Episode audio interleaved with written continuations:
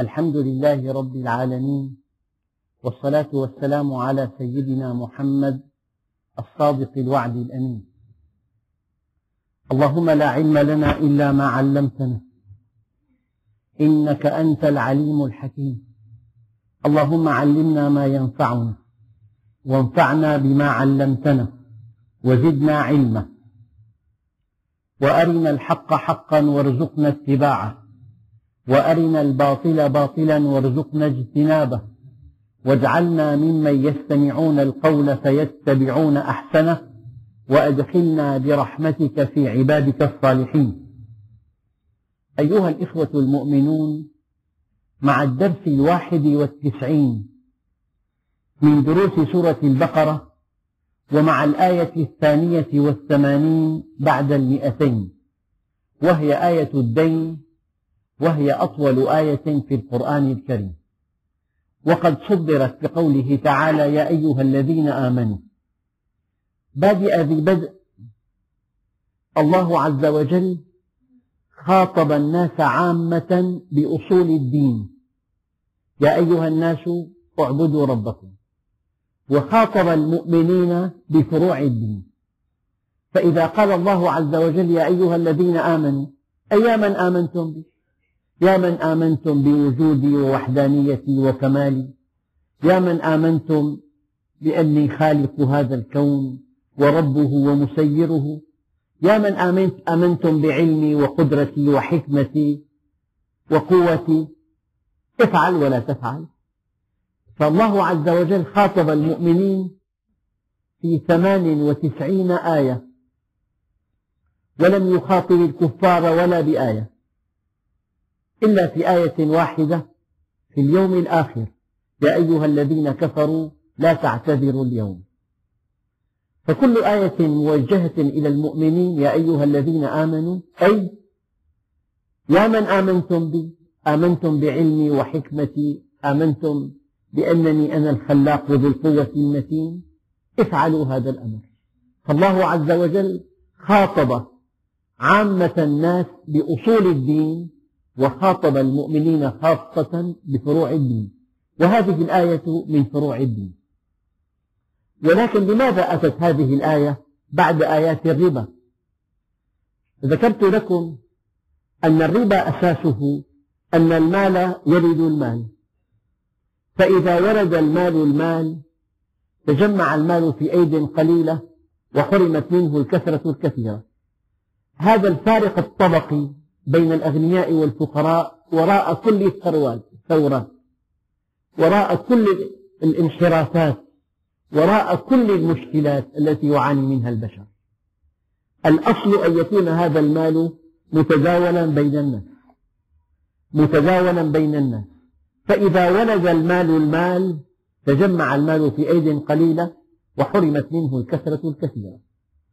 الربا يشيع البطالة يرفع الأسعار يجعل الأموال في أيد قليلة وراء كل الانحرافات وراء كل المشكلات وراء كل الثورات. بديل الربا. البديل. الربا قرض ربوي يعني قرض مأجور. أما البديل القرض الحسن. أما المشكلة إذا وزنت بين قرض حسن وبين قرض ربوي القرض الربوي على الآلات الحاسبة أربح إذا وزنت بين القرض الحسن والقرض الربوي القرض الربوي أعلى وأعود فائدة على الآلات الحاسبة. ولكن يجب أن تكون الموازنة لا بين قرض وقرض ولكن بين سخط الله ورضوانه. بين دنيا محدودة منقطعة وبين آخرة أبدية. بين نعيم مقيم وبين متع سريعة الزوال. فربنا عز وجل جعل القرض الحسن عملا صالحا عملا صالحا. تبتغي به وجه الله. وفضلا عن ذلك يمحق الله الربا ويربي الصدقات هناك ثواب في الدنيا معجل وثواب في الآخرة مؤجل.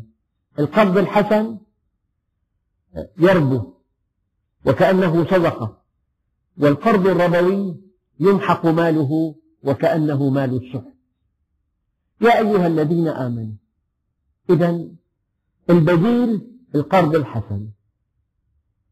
الآن أقف وقفة متأنية. أحيانا البائع يساعد المشتري يحسن إليه بجعل هذا المبيع تقسيطا من دون زيادة. وأحيانا يساعد الشاري البائع ببيع السلام. يعني إنسان في عنده قطيع غنم والموسم جفاف وليس معه ثمن العلف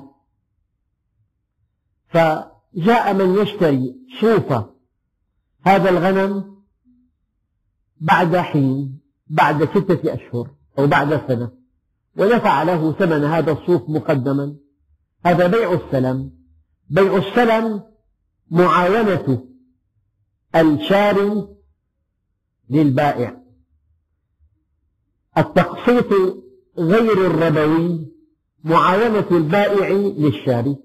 كلاهما عمل صالح. ربحك فيه في الدار الآخرة. أما الذي يرجو الدار الآخرة يؤثر القرض الحسن وبيع السلم. والذي يؤثر الدنيا يؤثر القرض الربوي والبيع الربوي. إذا الله عز وجل حرم الربا وجعل الربا أصل الفساد الاقتصادي حيث تجمع الأموال في أيد قليلة وجعل الربا خطرا منتشرا وهدد عليه بحرب من الله ورسوله. وما من معصية على الإطلاق. هدد الله مرتكبيها بحرب منه إلا معصية الربا. يمحق الله الربا ويرضي الصدقة. ذلك أن المال قوام الحياة. ذلك أن التكليف أن يكون المال بين أيدي الناس جميعا. كل الناس في بحبوحة. كلهم يسكنون بيوتا مريحة. يأكلون طعاما مغذيا. يربون أولادهم. يعالجون مرضاهم. أما حينما يستخدم الكسب الربوي مكان الكسب المشروع حينما تجمع الأموال في أيد قليلة تنشأ المشكلات التي لا تنتهي. والمشكلة أن الإسلام ليس مسؤولا عن آلاف المشكلات التي تفجرت من عدم تطبيقه أعداء الإسلام ماذا يفعلون؟ يعزون المشكلات التي تفجرت عن عدم تطبيق الإسلام إلى الإسلام ويعدونها مآخذ عليه تماما لو أن إنسانا قال أنا لا أعبأ بالمهندسين بنى بيتا من دون علم. وضع إسمنت قليل وحديد قليل فانهار البناء أو مال البناء. تعالوا أيها المهندسون أصلحوا لي هذا الخلل. لا. المهندس لا يرضى إلا أن يهدم البناء ليشيده على أسس علمية. فكل ما وجدنا مشكلة ناتجة عن مخالفة الدين نعزوها بمكر وخبث وحقد إلى الدين ثم نريد أن ننهي هذا الموضوع. أيها الإخوة الكرام المال قوام الحياة. ولا تؤتوا السفهاء أموالكم التي جعل الله لكم بها قياما. قياما تقوم الحياة بالمال. المال إذا له ضوابط كثيرة في كسبه وفي إنفاقه. فإذا نمى المال بالمال هي قضية ربوية نمى المال بالأعمال قضية مشروعة. لمجرد أن ينمو المال بالأعمال يوزع بين أيدي الناس جميعا. ذكرت هذا كثيرا في درس سابق. بمجرد أن تفتح مشروعا زراعيا صناعيا تجاريا لا بد من أن تستخدم آلاف الأشخاص. بشكل مباشر أو غير مباشر دون أن تشعر ثلث هذا الرأس مال وزع كمصاريف لأناس كثيرين. يعني هذا المال توزع. أما لمجرد أن تضع المال في المصرف وأن تتقاضى عليه أرباحا ولم تستخدم أحدا وأرباحك مضمونة فهذه طريقة لا ترضي الله عز وجل. أما من يقول بهذا المصرف يقيم مشاريع صناعية نقول ماذا يمنع أن يأخذ المصرف أموال الناس بالحق وأن يوظفها بمشاريع إنتاجية رائعة جدا ويوزع أرباحها على المودعين. صار مصرف شرعي ما في مشكلة. إذا وزع وزعت هذه الجهة المالية أرباح المشاريع على المودعين قضية شرعية مئة بالمئة ولكن هذا لم يحدث. وإذا وصفت بعض المصارف بأنها ذات صفة إسلامية فهذا للاستهلاك وليس الواقع. نعم. إذا البديل البيع والشراء والقرض الحسن كسب المال عن طريق البيع والشراء أو عن طريق الأعمال والإحسان ليس مأجورا الله جل جلاله يدخر لك أجره في الآخرة. فالمؤمن يرجو رحمة الله بدل أن يقرض قرضا ربويا يقرض قرضا حسنا. لا يوازن بين قرض وقرض؟ بين قرض ربوي وقرض غير ربوي يوازن بين دنيا وآخرة. بين سخط الله ورضوانه. بين متع رخيصة وشيكة الزوال. وبين جنة عرضها السماوات والأرض. يا أيها الذين آمنوا وأتمنى على كل واحد منا. إذا قرأ قوله تعالى يا أيها الذين آمنوا أن يشعر أنه مخاطب من قبل الله عز وجل. يعني يا من آمنتم بي آمنتم بحكمتي بعلمي آمنتم برحمتي بكمالي هذا منهجكم في الحياة. يا أيها الذين آمنوا إذا تداينتم بدين لا يغيب عن أذهانكم أن إذا تفيد تحقق الوقوع بينما إن تفيد احتمال الوقوع. قال تعالى إذا جاء نصر الله والفتح لا بد من أن يأتي. هذه سنة الله في الكون. لا بد من أن يأتي ولو بعد حين. إذا أما يا أيها الذين آمنوا إن جاءكم فاسق بنبأ قد يأتي وقد لا يأتي.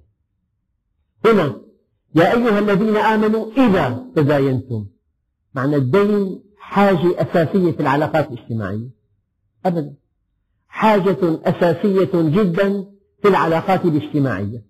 فلذلك قال تعالى يا أيها الذين آمنوا إذا تداينتم يعني تقرضه ويقرضك تعينه ويعينك تأخذ بيده ويأخذ بيدك.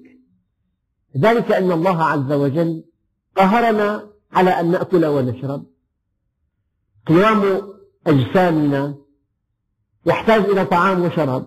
نحن مقهورون بالطعام والشراب وهذا الطعام والشراب يحتاج إلى مال. نحن مقهورون بالعمل. وهذا العمل يحتاج إلى جماعة. تدخل حاجة وأنت محتاج إلى مئة ألف حاجة. لا بد من أن تكون مع الناس. تشتري رغيف خبز. مئة ألف إنسان ساهم في هذا الرغيف. بدءا من زراعته وتنميته وسقيه وتسميده وحصاده وتجفيفه وطحنه وخبزه تشتري خبز تشتري قميص آه، تستخدم من يعالجك من يعلم ابنك. تبطل حاجة وأنت محتاج إلى مئة ألف حاجة. أنت مقهور بالطعام والشراب مقهور بالعمل مقهور أن تكون في جماعة. وأنت في جماعة تمتحن هنا وأنت في الجماعة تمتحن إما أن تصدق وإما أن تكذب. إما أن تخلص وإما أن تخون إما أن تستقيم وإما أن تنحرف إما أن ترحم وإما أن تقسو إما أن تعطي وإما أن تأخذ هو الامتحان. فجزء أساسي من علاقاتنا قضية الدين. من هذا الذي يمنع الماعون؟ الذي يمنع الماعون هو الذي يستدين ولا يوفي.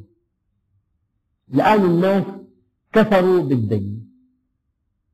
بقي يطلب الدين برقة بالغة بأدب الجم فإذا تملك المال لا يسأل ولا يلقي لك سلاما ولا يعتذر أبدا. كل إنسان يستقرض ولا يرد يمنع الماعون. تروي الكتب أن رجلا يركب فرسا في الصحراء. في أيام الحر الشديد وتحت أشعة الشمس المحرقة. رأى رجلا ينفعل رمال الصحراء المحرقة. رق له دعاه إلى ركوب الخيل. ولم يكن يدري أن هذا لص من لصوص الخيل. ما إن اعتلى ظهر الخيل حتى دفع صاحبها وألقاه وعد بالفرس لا يلوي على شيء. ناداه صاحب الفرس يا هذا لقد وهبت لك الفرس. ولن أسأل عنها بعد اليوم. ولكن إياك أن يشيع هذا الخبر في الصحراء. فتذهب منها المروءة وبذهاب المروءة يذهب أجمل ما فيه. لأن الناس أقرضوا وما استوفوا كفروا بالدين. مثل آخر مشابه. هناك طريقة مشروعة جدا لاستثمار المال. وحاجة استثمار المال حاجة أساسية جدا. طفل يتيم امرأة أرملة شيخ كبير موظف متقاعد. هناك نماذج كثيرة جدا بحاجة ماسة إلى استثمار أموالها. هؤلاء الذين جمعوا أموال الناس يستثمروها فأكلوها. ماذا فعلوا؟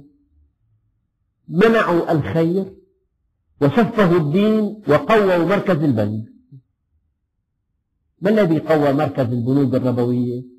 جامعو الأموال الذين جمعوها وأكلوها. فالإنسان حينما يخطئ في الشيء المشروع يكون مجرما بحق هذا الدين وحق هذه الأمة. فالله عز وجل جعل الدين أساسا في العلاقات الاجتماعية. الإنسان بحاجة للمال قد ما يكون فقير لكن في عنده ظرف طارئ. فالذي لا يرد الدين يمنع الماعون. النبي عليه الصلاة والسلام وهو نبي مرسل مات أحد أصحابه فجاء ليصلي عليه سأل أعليه دين؟ قالوا نعم. قال صلوا على صاحبكم. فقال أحد الأصحاب علي دينه يا رسول الله أنا أوفي الدين. فصلى عليه. سأله في اليوم الثاني أأديت الدين؟ قال لا. سأله في اليوم الثالث أأديت الدين؟ قال لا. سأله في اليوم الرابع أأديت الدين؟ قال نعم. فقال الآن ابترد جلد صاحبكم. متى ابترد لا مع الضمان ولكن بعد الوفاء طيب ما قولك؟ بإنسان قدم لله أثمن ما يملك على الإطلاق. قدم روحه. استشهد في ساحة المعركة لإعلاء كلمة الله. هل هناك من عمل على سطح الأرض من آدم إلى يوم القيامة أعظم من أن تقدم أثمن ما تملك؟ ومع ذلك يغفر للشهيد كل شيء إلا الدين. الدين لا يغفر ذلك أن حقوق العباد مبنية على المشاححة بينما حقوق الله مبنية على المسامحة. هذا الدين الذي يحل مشكلات المجتمع. القرض الربوي القرض الحسن. بل إن الله عز وجل جعل كل عمل صالح على الإطلاق قرضا حسنا. قال من ذا الذي يقرض الله قرضا حسنا؟ فيضاعفه له أضعافا كثيرة. إن أطعمت هرة فهو قرض حسن لله. إن أعنت مسكينا إن أعنت أرملة إن رعيت يتيما إن أطعمت جائعا إن أرشدت ضالا إن أعنت امرأة في حمل أثقالها. فهذا قرض لله عز وجل. بل إن القرض الحسن هو مطلق العمل الصالح. لذلك الدين يحل مشكلات المجتمع ولكن الناس كفروا بالدين. لأنه يأخذ بأعلى درجة من اللطف.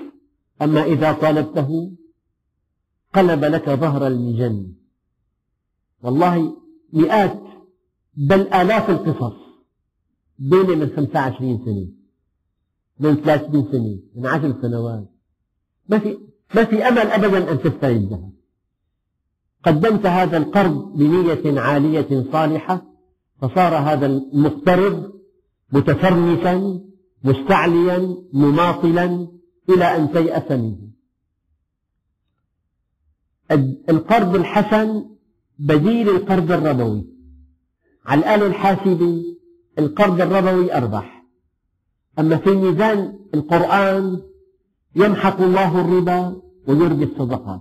الموازنة لا بين قرض ربوي رابح وقرض حسن خاسر ولكن بين الدنيا والآخرة بين سخط الله ورضوان الله. يا أيها الذين آمنوا إذا تداينتم يعني تداينتم في معنى المشاركة لو أن إنسان استقرض منك مبلغا وشعر بضعفه أمامك فقلت له حبا وكرامة والله حينما أكون بحاجة سأستقرض منك. هذا يرفع من معنوياته. حياة تعاون أخذ وعطاء. تقرضني وأقرضك. إذا تداينتم في فعل مشاركة يا أيها الذين آمنوا إذا تداينتم بدين العلماء الفقهاء لهم تعريف دقيق للدين.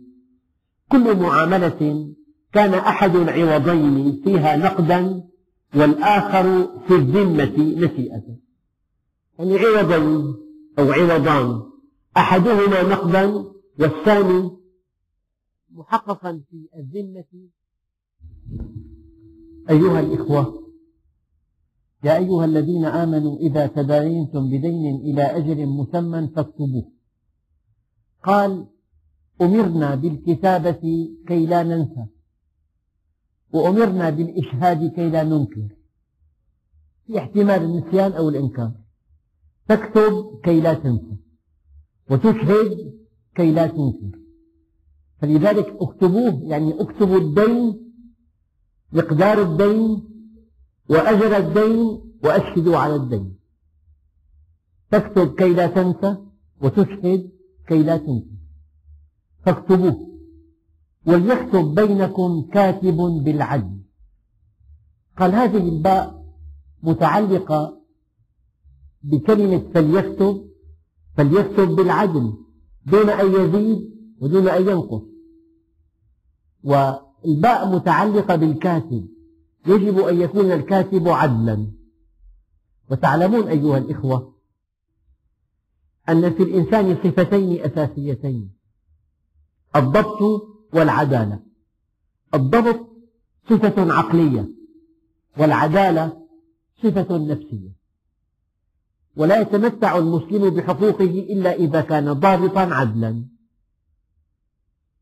فالعدالة ذكرتها اليوم في الخطبة أن العدالة يقول عليه الصلاة والسلام من عامل الناس فلم يظلمهم وحدثهم فلم يكذبهم ووعدهم فلم يخلفهم فهو ممن كملت مروءته وظهرت عدالته ووجبت أخوته وحرمت غيبته.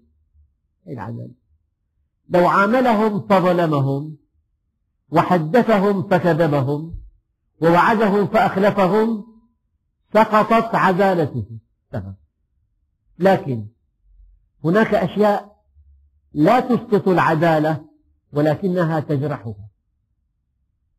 فأكل لقمة من حرام يجرح العدالة. لحس تحتي ربعوية. قديش حق كيلو وما اشترى. أكل لقمة من حرام يجرح العدالة. تطفيف بتمرة يجرح العدالة. من مشى حافيا جرحت عدالته. من بال في الطريق جرحت عدالته. من أطلق لفرسه العنان السرعة العالية تجرح العدالة. من قاد برذونا مخيفا تجرح عدالته. من تنزه في الطريق ليملأ عينيه من محاسن النساء أو مقاهي الرصيف تجرح عدالته. من صحب الأراذل تجرح عدالته.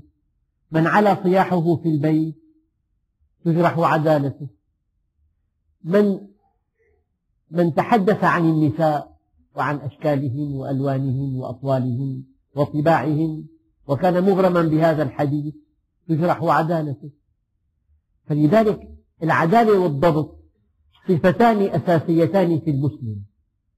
الضبط يعني صفة عقلية والعدالة صفة نفسية.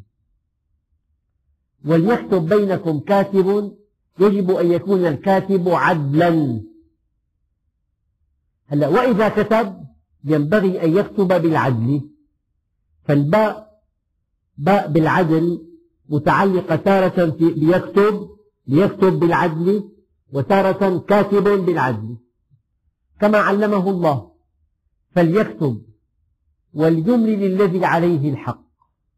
الذي ينبغي أن يملي هو الذي عليه الحق. وليتق الله ربه ولا يبخس منه شيئا. يعني الكاتب يكتب هو عدل يكتب من دون زيادة من دون نقصان. ولا يأبى كاتب أن يكتب كما علمه الله. إذا دعي الكاتب إلى الكتابة ينبغي أن يكتب. وإذا دعي الشاهد إلى الشهادة ينبغي أن يكتب أن يشهد. هذا واجب ديني. لكن يقول الله عز وجل بعد حين ولا يضار كاتب ولا شهيد. إنسان يرتزق يوما بيوم. تدعوه لأداء شهادة في مكان بعيد. لا بد من أن تعطيه تعويضا. الكاتب ممنوع أن يأبى والشاهد ممنوع أن يأبى أن يشهد. الطرف الثاني عليه ألا يضر كاتبا ولا شاهدا. فليكتب وليملي للذي عليه الحق وليتق الله ربه ولا يبخس منه شيئا. فإن كان الذي عليه الحق سفيها أو ضعيفا أو لا يستطيع أن يمل هو. السفيه الذي اختل عقله. أو الصغير. أو الذي لا يحسن أن يتكلم. أو الأخرق. يعني إذا كان هناك مانع صحي أو مانع بنيوي من أن يملي قال فليملل وليه بالعدل. ولي هذا السفيه يملي مكانه. واستشهدوا شهدين من رجالكم فإن لم يكونا رجلين فرجل وامرأتان ممن ترضون من الشهداء أن تضل إحداهما فتذكر إحداهما الأخرى. هذا كلام خالق الكون. وهناك من يعترض على هذا على هذا الحكم. من باب السفة ومن باب عدم الوعي. ولكن نقل إلي أن هناك بحث علمي دقيق حول شهادة المرأة وشهادة الرجل. يعني الآن لا يحضرني تفاصيل هذا البحث ولكن إن شاء الله حينما يقع تحت يدي أعرضه عليكم. يعني هناك بنية خاصة في المرأة. هي في مجال متفوقة جدا وفي مجال أقل تفوق. والرجل في مجال متفوق جدا وفي مجال أقل تفوق. إنهما متكاملان. واحد يقوم بمهمته خارج المنزل يحتاج إلى قوة إدراك إلى قوة إرادة إلى شخصية قوية إلى إلى بصيرة ثاقبة إلى حزم إلى علم. هي تربي أولادها وترعى زوجها تحتاج إلى عاطفة جياشة إلى انفعالية عالية تحتاج إلى وفاء إلى ود. فهي لها دور لا تنافس فيه الرجل وهو له دور لا ينافسها فيه. على كل إن شاء الله في القريب العاجل أضع بين أيديكم ملخص هذا الموضوع. ولا يأبى الشهداء إذا ما دعوا ولا تسأموا أن تكتبوه صغيرا أو كبيرا إلى أجله. سبحان الله الإنسان بالكتابة يطمئن. الدليل الله عز وجل قال كتب ربكم على نفسه الرحمة. الله لا يكتب بس يطمئننا قضية مكتوبة. إنسان بيشتري بيت من دون عقد شفهي؟ يبقى قلق. متى يرتاح حينما يكتب عقد بوقعه بوثقه فبنية الإنسان تحب التوثيق تحب التأكيد والشيء المكتوب آكد وأقوى. فربنا عز وجل من أجل انتظام العلاقات الاجتماعية قال هذا الدين من أعظم أبواب الخير. فإذا دفع الدين ولم يكتب ولم يؤدى اضطرب هذا الحبل ومع اضطرابه تفسد العلاقات الاجتماعية عندئذ لا بد من التعامل بشكل آخر ربوي. فمن أجل ضمان هذا العمل الصالح ضمان هذه الحاجة اليومية للمجموعة البشرية كانت آية الدين ولا تسأموا أن تكتبوه صغيرا أو كبيرا إلى أجله. ذلكم أقسط عند الله وأقوم للشهادة وأدنى ألا ترتابوا.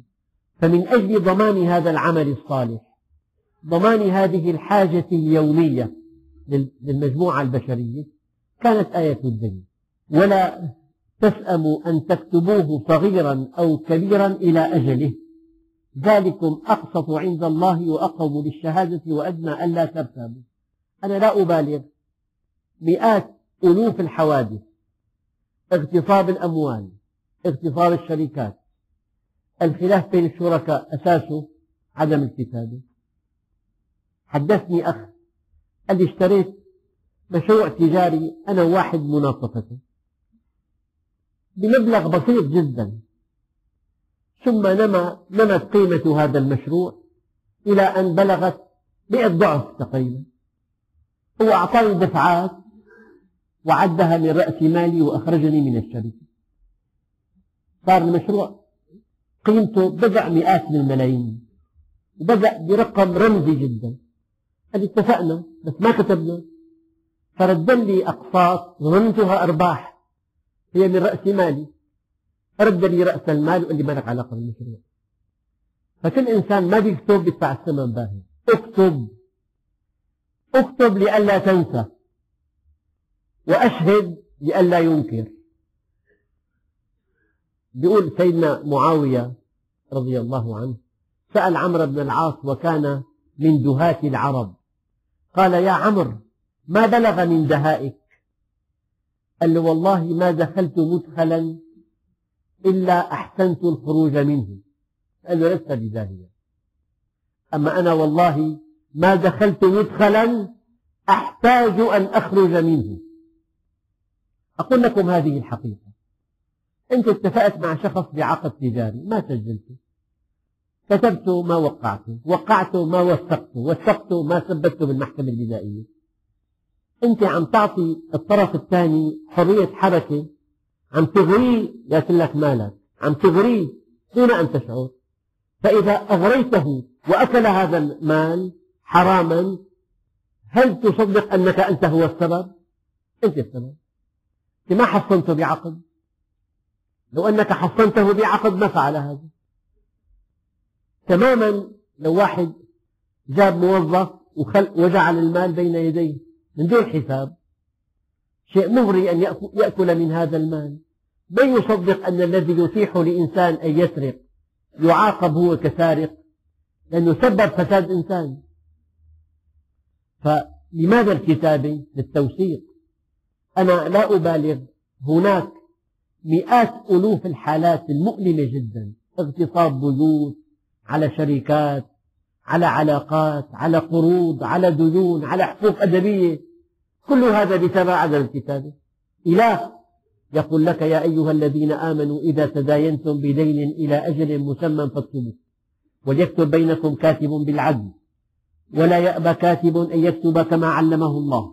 فليكتب وليملل الذي عليه الحق. وليتق الله ربه ولا يبخس منه شيئا فإن كان الذي عليه الحق سفيها أو ضعيفا أو لا يستطيع أن يمل هو فليملل وليه بالعدل واستشهدوا شهيدين من رجالكم فإن لم يكونا رجلين فرجل وامرأتان ممن ترضون من الشهداء. أن تضل إحداهما فتذكر إحداهما الأخرى ولا يأبى الشهداء إذا ما دعوا ولا تسأموا أن تكتبوه صغيرا أو كبيرا إلى أجله. ذلكم أقسط عند الله وأقرب للشهادة وأدنى ألا ترتابوا. وفي درس قادم إن شاء الله نتابع هذه الآية الطويلة. إلا أن تكون تجارة حاضرة تديرونها بينكم فليس عليكم جناح ألا تكتبوها.